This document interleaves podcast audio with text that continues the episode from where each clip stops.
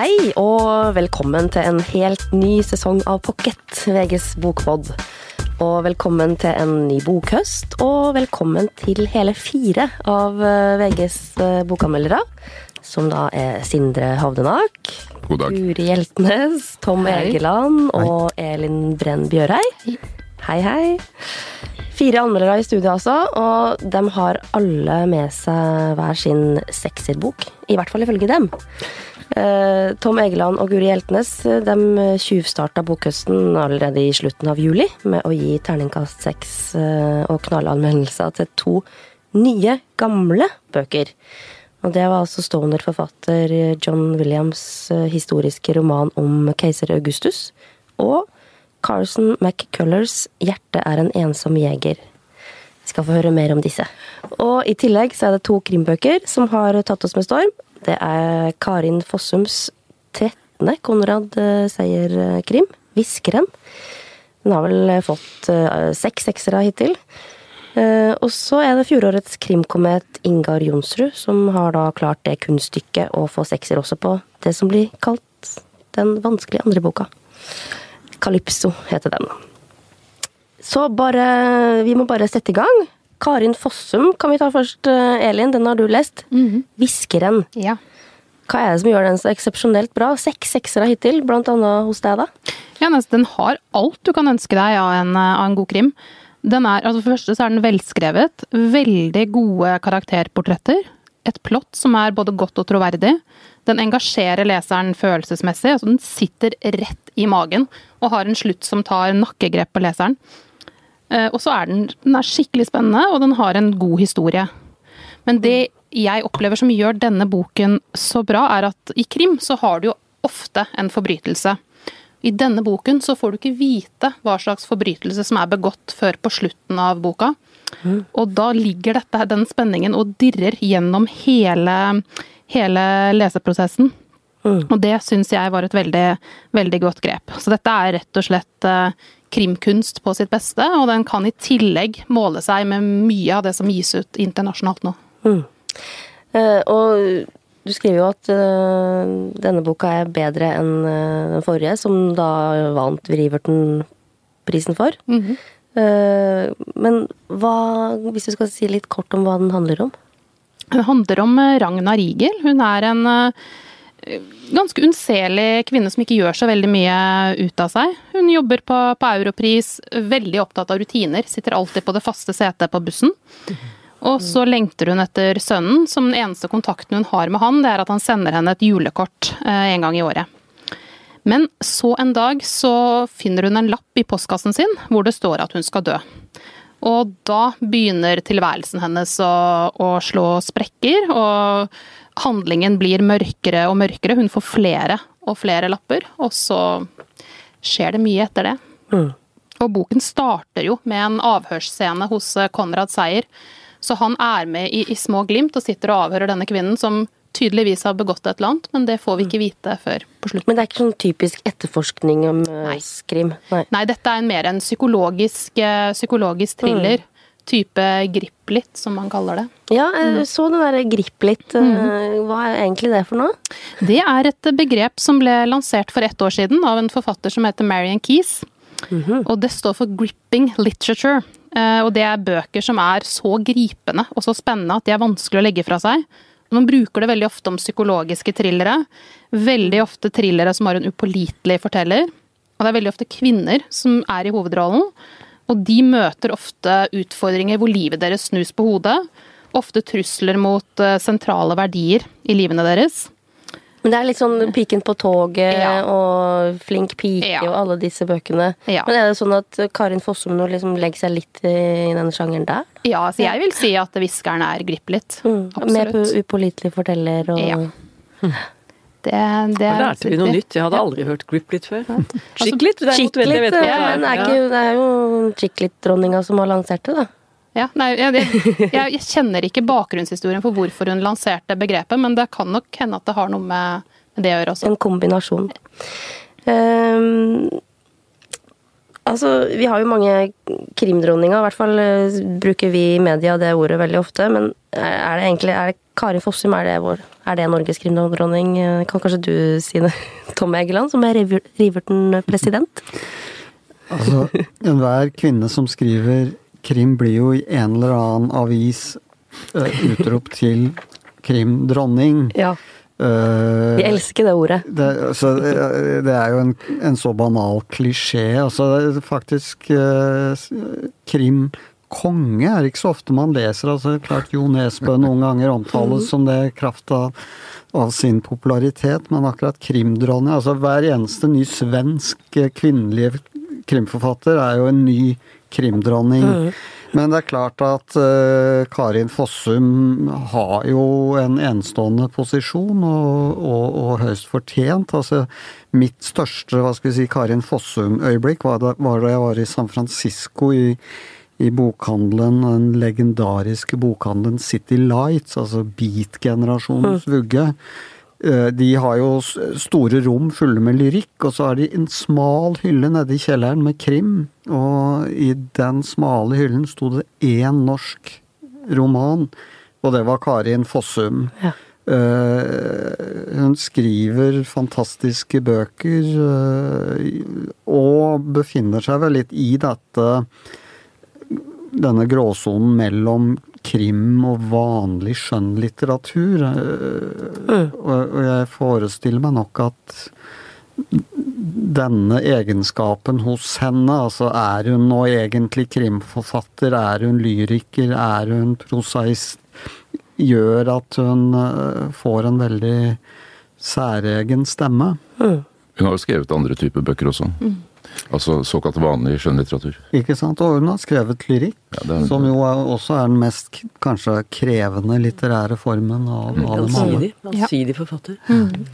Men hviskeren da, altså mørk, ubehagelig, en bok som tar skikkelig nakkegrep på leseren.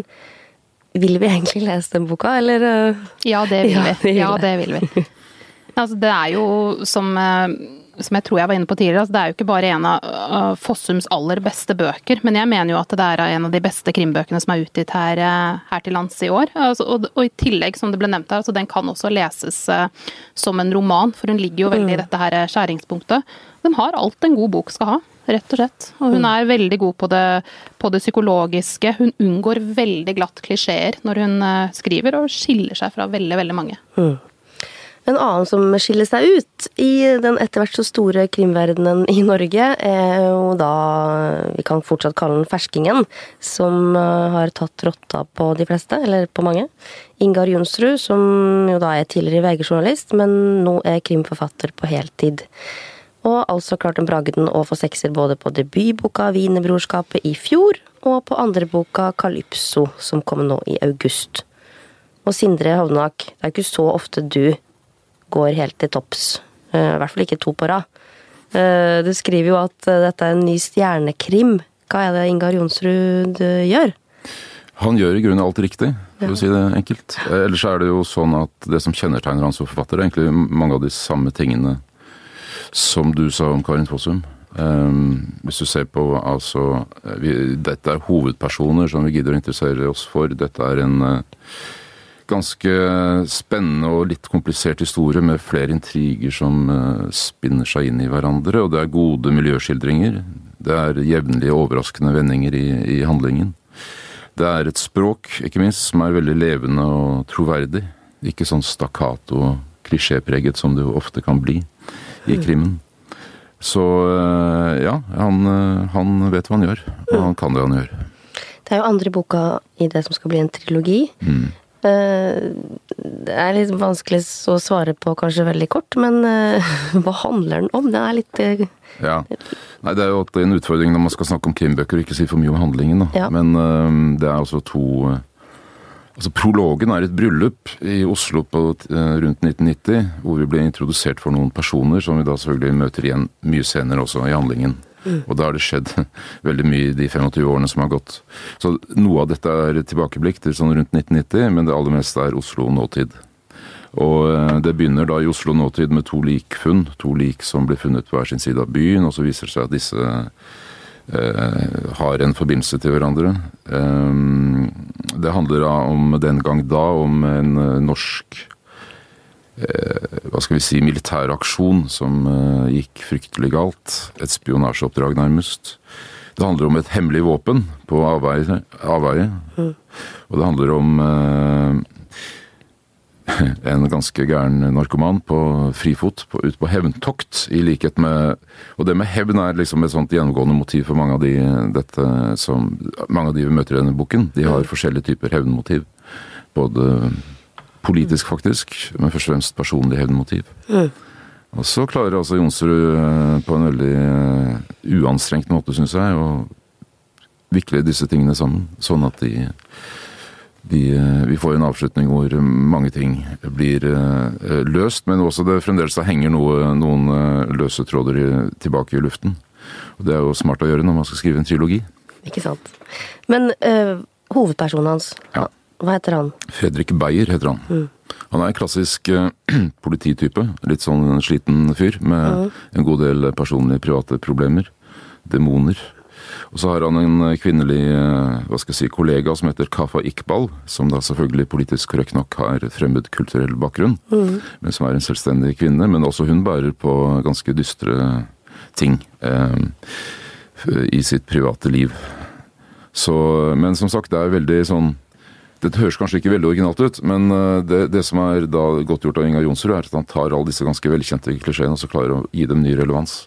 Sånn at vi eh, faktisk eh, Jeg i hvert fall syns at disse personene og mennesketypene og konfliktene og intrigene på politihuset og alle disse tingene, de, de serverer han med ny, med ny glød. Ja, og Ingar Jonsrud er jo veldig på vei ut i den store verden nå. Han har jo blitt kjøpt opp i hvert fall over 20 land. Det er ikke alle det har kommet ut i. Men det blir spennende å følge videre.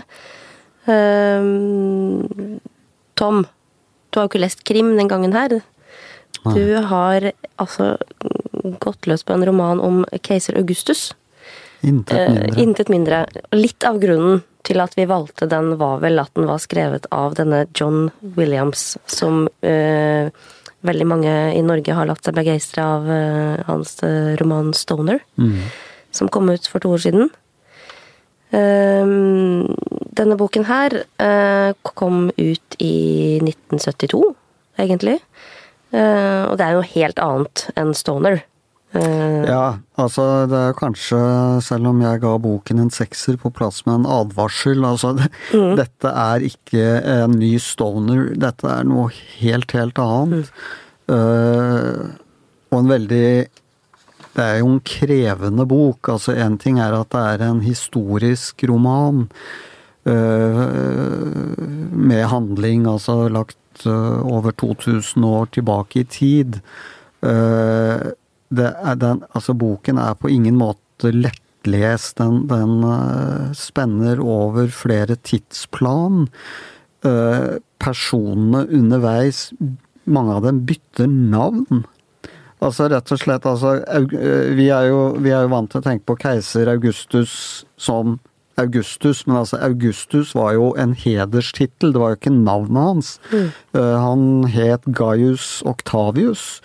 Uh, men avhengig av hvor i kronologien i, i romanen du er, da, så, så har, har jo han ulike navn. Eh, og det har veldig mange av de andre personene i, i boken også.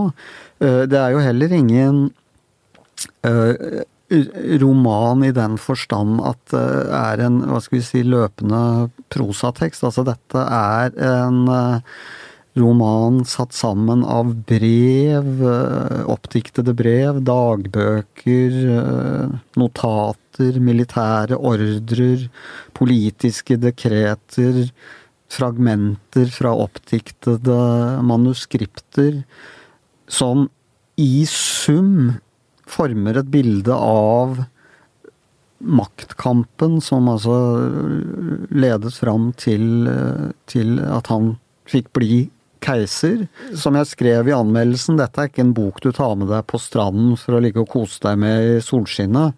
Det er en bok som yter masse motstand, men som er eh, utrolig både fengslende og lærerik. Altså, du, du Williams evner å tegne et bilde som eh, gir et, i hvert fall for denne leseren, troverdig inntrykk av tankegangen i, i, i, i gamle Rom. Altså hvordan tenkte disse menneskene eh, maktkampen, hvordan noen av dem endrer holdning, altså snur kappen med vinden. De, de, de skjønner at uh, hvis de kanskje først var imot hans uh, Altså, han var jo adoptivsønnen til Cæsar, så, så, så, boken starter på et vis med drapet på Cæsar, hvem skulle overta makten? Og så har jo Cæsar, hva skal vi si, lansert da sin egen uh, adoptivsønn, altså Gaius Octavius, som da makta egentlig ikke ville ha. Det her er jo ting som folk er, har lyst til å lese om. Altså, det er jo spennende. I høyeste grad, mm. altså hvis man er interessert i mm. særlig i historie, da, ikke minst. Men hva, var, hva, hva tror du var Williams motivasjon? For å skrive en sånn bok? Ja, det kan du si, altså. Og, og, og hvordan evnet han det? Uh, for det at hans uh, hva skal vi si historiske innsikt, altså hans evne til å uh, fange det vesentlige i, mm. i alle disse spørsmålene, er, eh, er, imponerende. Eh, jeg tror vel rett og slett han eh, ville fortelle en god historie. For det er jo det det er. Det er jo en god historie. Hvordan en av Romerrikets mange berømte keisere gradvis kom til makten og befestet den, og mm. på en måte er det litt sånn som hvis dere har sett TV-serien altså Borgen, eller for den saks skyld House of Cards. altså ja, Å kikke makta i, ja. i, kulissene. Hva er det som egentlig skjer? Ikke hva mm. de sier at de gjør, men, men hva skjer egentlig? Bare lagt til de dramatiske årene etter drapet på Julius Cæsar. Ja, og, og Romerriket er jo i seg selv Altså, vi blir jo aldri lei. Romerriket er jo en evig Det er både sakprosa-romaner, det er jo virkelig så fascinerende. Det er jo maktkampens arnested, omtrent. Altså, det er jo demokrati Altså hele alle disse som eh, drepte hverandre og var sønner og fedre til hverandre, og hele sjørlevnet og vannlevnet og og, og Behandlingen av kvinner og whatever. Og, og, og, la jo, eller bidro til å legge grunnen for hele hva skal vi si, vår vestlige kulturkrets. Altså klart mm. mange impulser, grekerne Når du reiser i Europa, så ser du spor av romertiden overalt.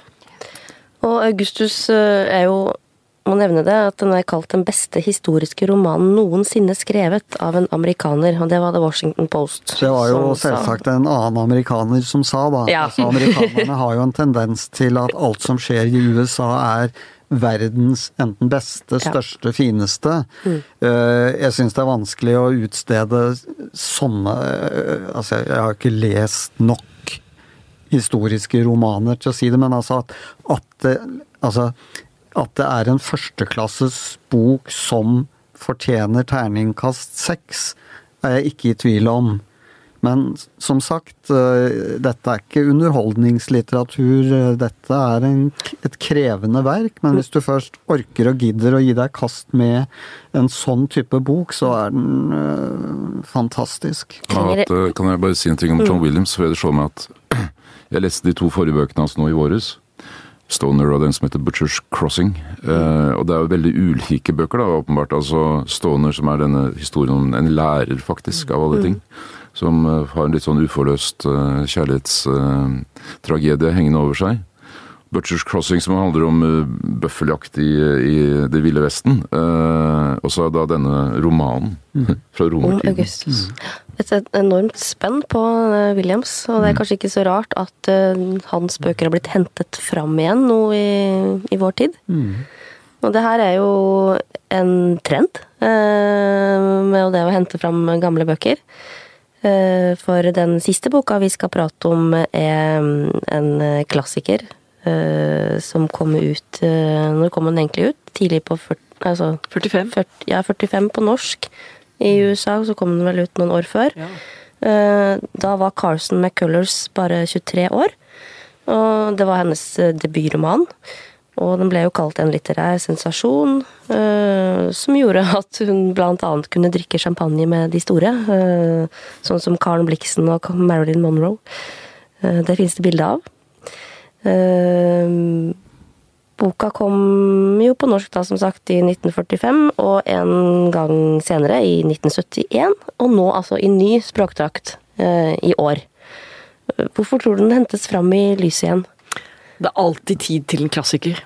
Og jeg tenker at eh, Jeg vet ikke hva som lå til grunn for forlaget her, men jeg tenker at ved å løfte fram en så flott roman, så er det nye generasjoner som blir kjent med den. Jeg kjente ikke med Colors, og jeg er veldig glad for det. Og jeg kjenner heller ikke forfatterskapet, men blir nysgjerrig og har bestilt noen, noen andre bøker av henne senere.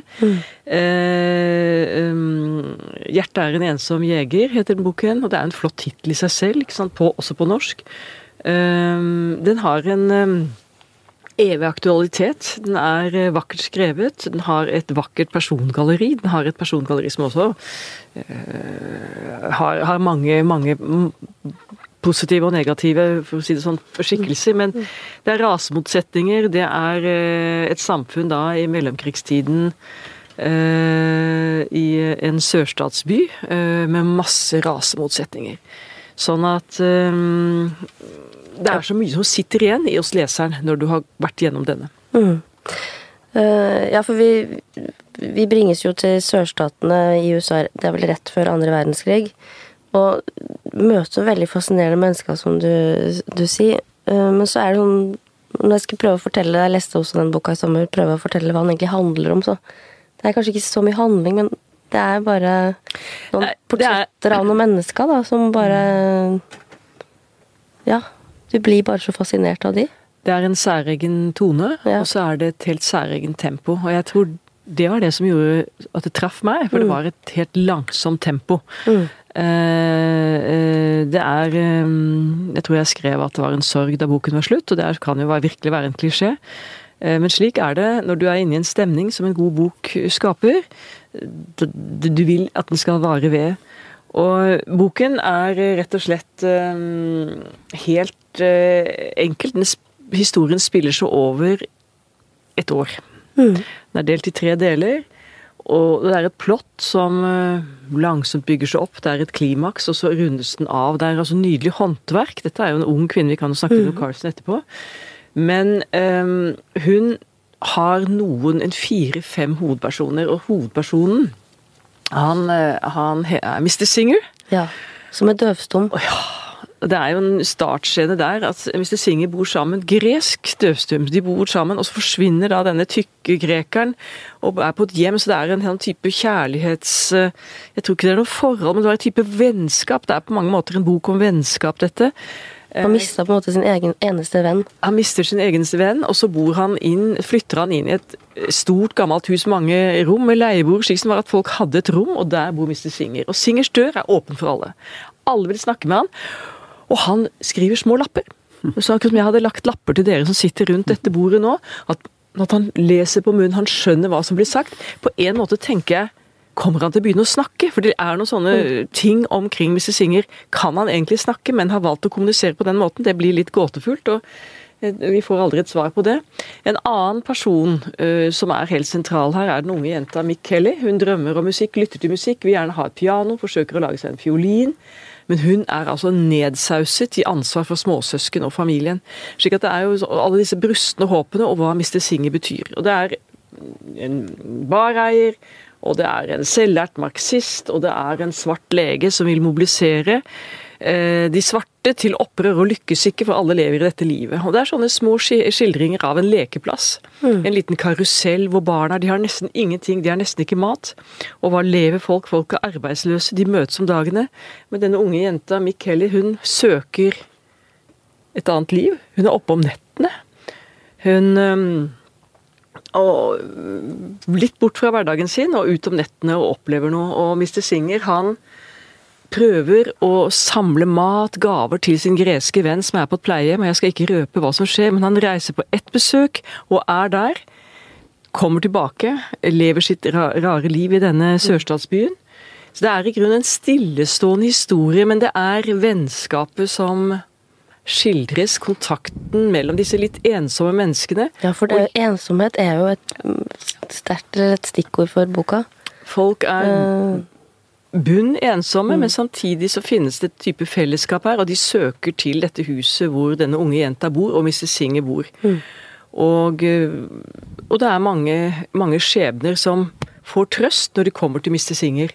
Slik at det er, jo, det er jo også noe sånn håpefullt med dette, at vennskap kan bety noe. At det at du ser på meg, at du får denne lappen fra Mr. Singer Dette kan kanskje høres litt pussig ut, men det er en, eh, en, eh, en, varm skildring av mennesker i en fattig, stusslig småby, og det er rett før annen verdenskrig. Det er noen små eh, pek om at det er en stor verdenspolitikk der ute. Den er langt borte, men de er en del av den. Og plutselig så skjer det noe som gjør at du ser at verdenskrigen kommer, og da Sjangermessig er jo dette her altså den typiske The Great American Novel. Altså dette er jo Jeg tenker på altså To Kill a Mockingbird, altså Ikke drep en sangfugl, eh, Det vokser et tre i Brooklyn. Altså bøker som hvis du i ettertid tvinges til å liksom oppsummere hva handler de om, så sliter du Ja, litt. det er litt det, sånn, det er liksom ja, ikke så ja. lett å finne den setningen. Altså det handler om mennesker, om skjebner, Mm. om oppvekst eller i USAs tilfelle altså klassemotsetninger, alle disse tingene. Men en, en, som du er inne på, en, en, en langsomhet i fortellerstrukturen som suger deg inn. At du er så i boka. Du blir hensatt Ja. til en annen tid, og det er noe med den tempoet som jeg Nå leste jeg det om sommeren hvor jeg hadde faktisk fri, men jeg bare tenker på at eh, det er en sånn kontrast til eget liv. Det er, noe sånn, det er veldig berikende å bli forført inn i en annen periode. Så er det også et veldig nydelig språklig Den er jo oversatt på nytt av Ragnhild Eikeli. Det har jeg lyst til å si. Vi snakker jo for sjelden om disse flinke oversetterne. Det er et flott, en flott språkdrakt med og det er jo så viktig at det er en sånn litt sånn klart å legge inn en sleng. En slang fra sørstaten. Du hadde jo en sorg da du hadde lest boka, og, og det var vel kanskje på forsiden eh, at det står noe om at Ketil Bjørnstad sa at denne boken kan forandre et liv. Nei. Er det så er nei, det, jeg, jeg aner ikke hvor han har sagt Jeg har jo anmeldt Kjetil Bjørnstad, så jeg er ikke helt sikker på hvor han har sagt dette her. Men nei, det, det har ikke forandret mitt liv, men det har beriket mitt liv. Ja. Jeg tror vi setter eh, strek der, ja, men eh, eh, det her er jo Altså, vi er jo bare i august, og det her er bare litt av de gode bøkene som har kommet, og det er også veldig mange bøker som skal komme ut eh, i høst. Så jeg tenkte jeg skulle få høre litt da om eh, våre anmeldere hva de gleder seg mest til denne høsten. Og her eh, må du jo følge med, for det kommer det mange tips. Skal vi starte med det da, Sindre? Ja, altså Det er vanskelig å ikke ha forventninger eh, til Karl Ove Knausgårds eh, fjerde og siste bok i den såkalte årstidskvartetten. da. Om sommeren som kommer Om nå sommeren kommer i september, ja. Så vidt jeg har forstått. Indian Summer eh, fra Karl Ove Knausgård. Mm. Det er jo en interessant serie. Han har brukt utrolig kort tid på å skrive den. Første bind kom vel for et knapt år siden. Høsten, og så kom vinteren, så kom våren, og nå kommer altså sommeren. Mm. Og en av de tingene som er interessant med, med denne si, serien, det er at den er såpass ujevn som den er. Mm. Det er ikke alt som er like bra, men det er et utrolig interessant prosjekt. Og ikke minst er det interessant fordi at han selv har valgt å omdefinere hva dette er underveis. De to første bøkene så var han veldig opptatt av at det, dette var ikke en roman. Det var ikke nødvendigvis skjønnlitteratur, det var noe annet. Skrivestykker. Jeg kalte det essaystikk. Eh, altså det hadde den type elementer i seg. Det har for så vidt også den forrige boken, om våren. Men den er altså, den er da titulert skjønnlitteratur.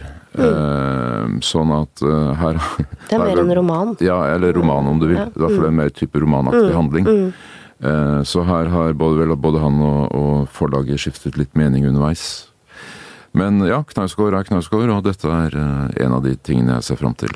Den andre boken som jeg har uh, merket meg til i dag, det er jo Tor Boman Larsens nye bok. Også det er en serie, da, om Håkon og Maud. Eh, Og forrige bok eh, endte jo på med et dramatisk høydepunkt, da den dagen 7. juni 1940 at eh, kong Håkon forlater Norge sammen med sin sønn. Eh, neste bind, som altså kommer nå, den handler så vidt jeg forstår om hele perioden. da, Fra, fra eksil i London starter som, om sommeren til det ender eh, våren 45. Mm. Ja, og Det er også et dramatisk høydepunkt. eh, og Tor Boman Larsen har jo jobbet med dette verket nå i veldig mange år. og gjort utrolig mye research i eh, kongelige arkiver og kilder. Han er jo en særegen forfatter, Tor Bormann Larsen. Han er en ikke-skolert historiker som eh, har, er selvlært. Han er egentlig utdannet grafiker. Og dem, ser på skrivestilen hans at han øh, har blikk for scener, altså for dramaturgi. Øh, og skriver veldig sånn ekvilibristisk, som det heter, eh, med et gammelmodig uttrykk. Mm.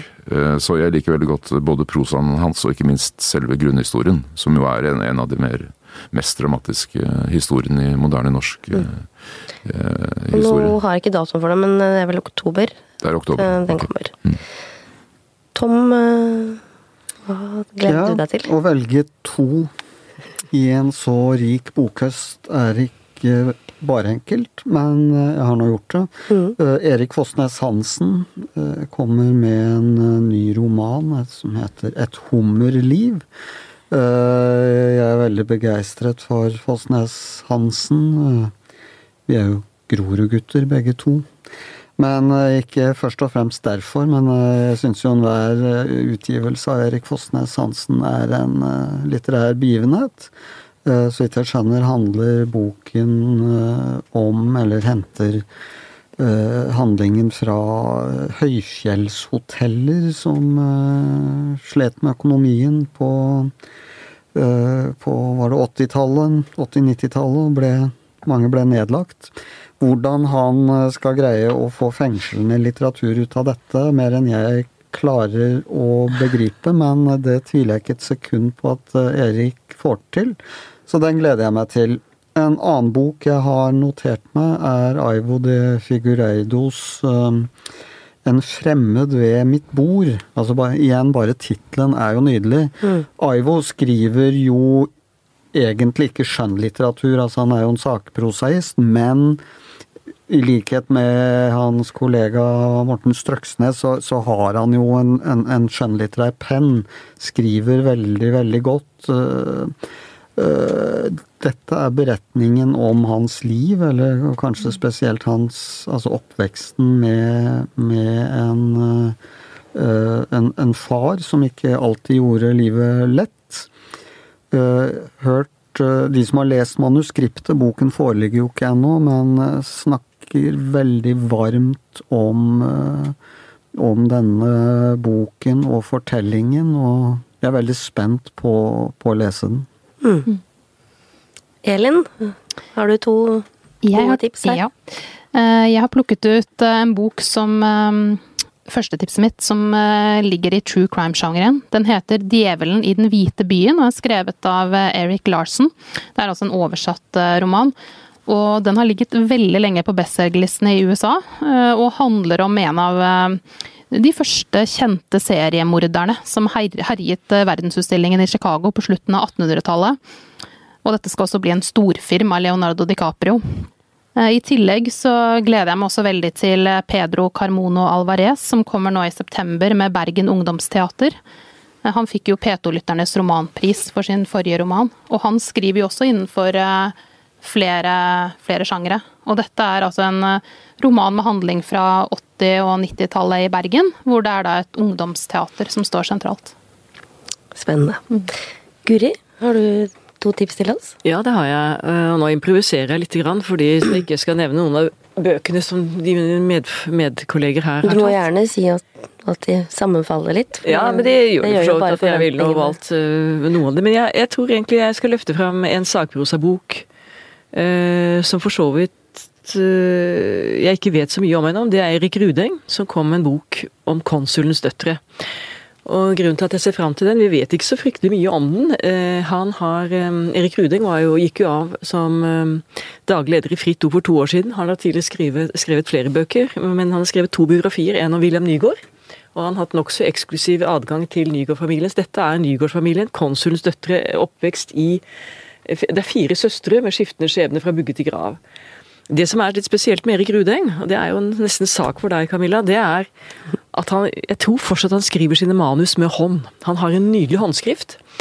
Og, og han er utrolig god på uh, personportretter og gallerier. Så Erik Ruding er en spennende penn. Så etter at han gikk av i Fritt Ord, har han altså nå på to år skrevet en ny biografi, og det ser jeg fram til. For jeg tror det kan, kan bli spennende. Men det er typisk, han er en beskjeden person.